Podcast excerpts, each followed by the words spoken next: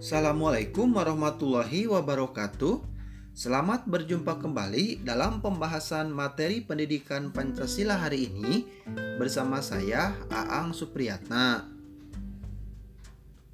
Pada sesi kali ini kita akan membahas topik mengenai dinamika dan tantangan Pancasila sebagai ideologi.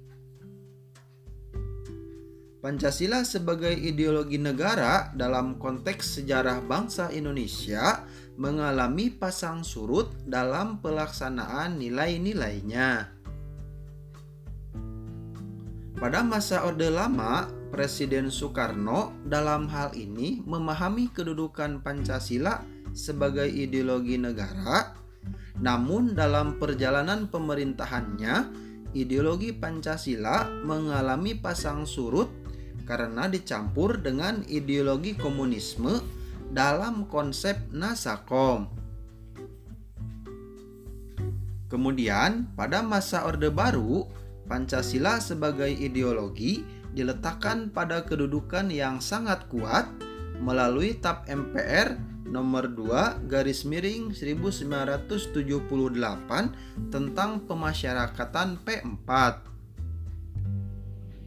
pada era reformasi, Pancasila sebagai ideologi mengalami pasang surut yang ditandai dengan beberapa hal seperti keengganan para penyelenggara negara mewacanakan tentang Pancasila.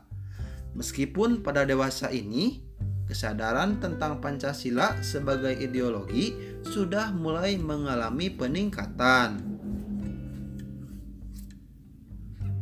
Adapun tantangan terhadap Pancasila sebagai ideologi dapat berasal dari faktor eksternal dan internal.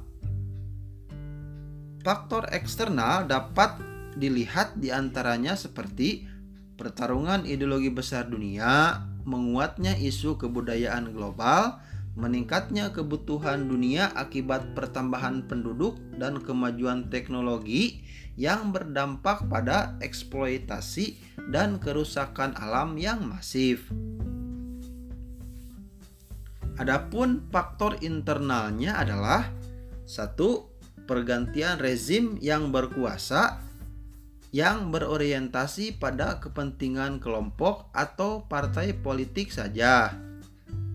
Dua, penyalahgunaan kekuasaan seperti korupsi, kolusi, dan nepotisme. Demikian pembahasan materi untuk kali ini. Terima kasih telah menyimak. Wassalamualaikum warahmatullahi wabarakatuh.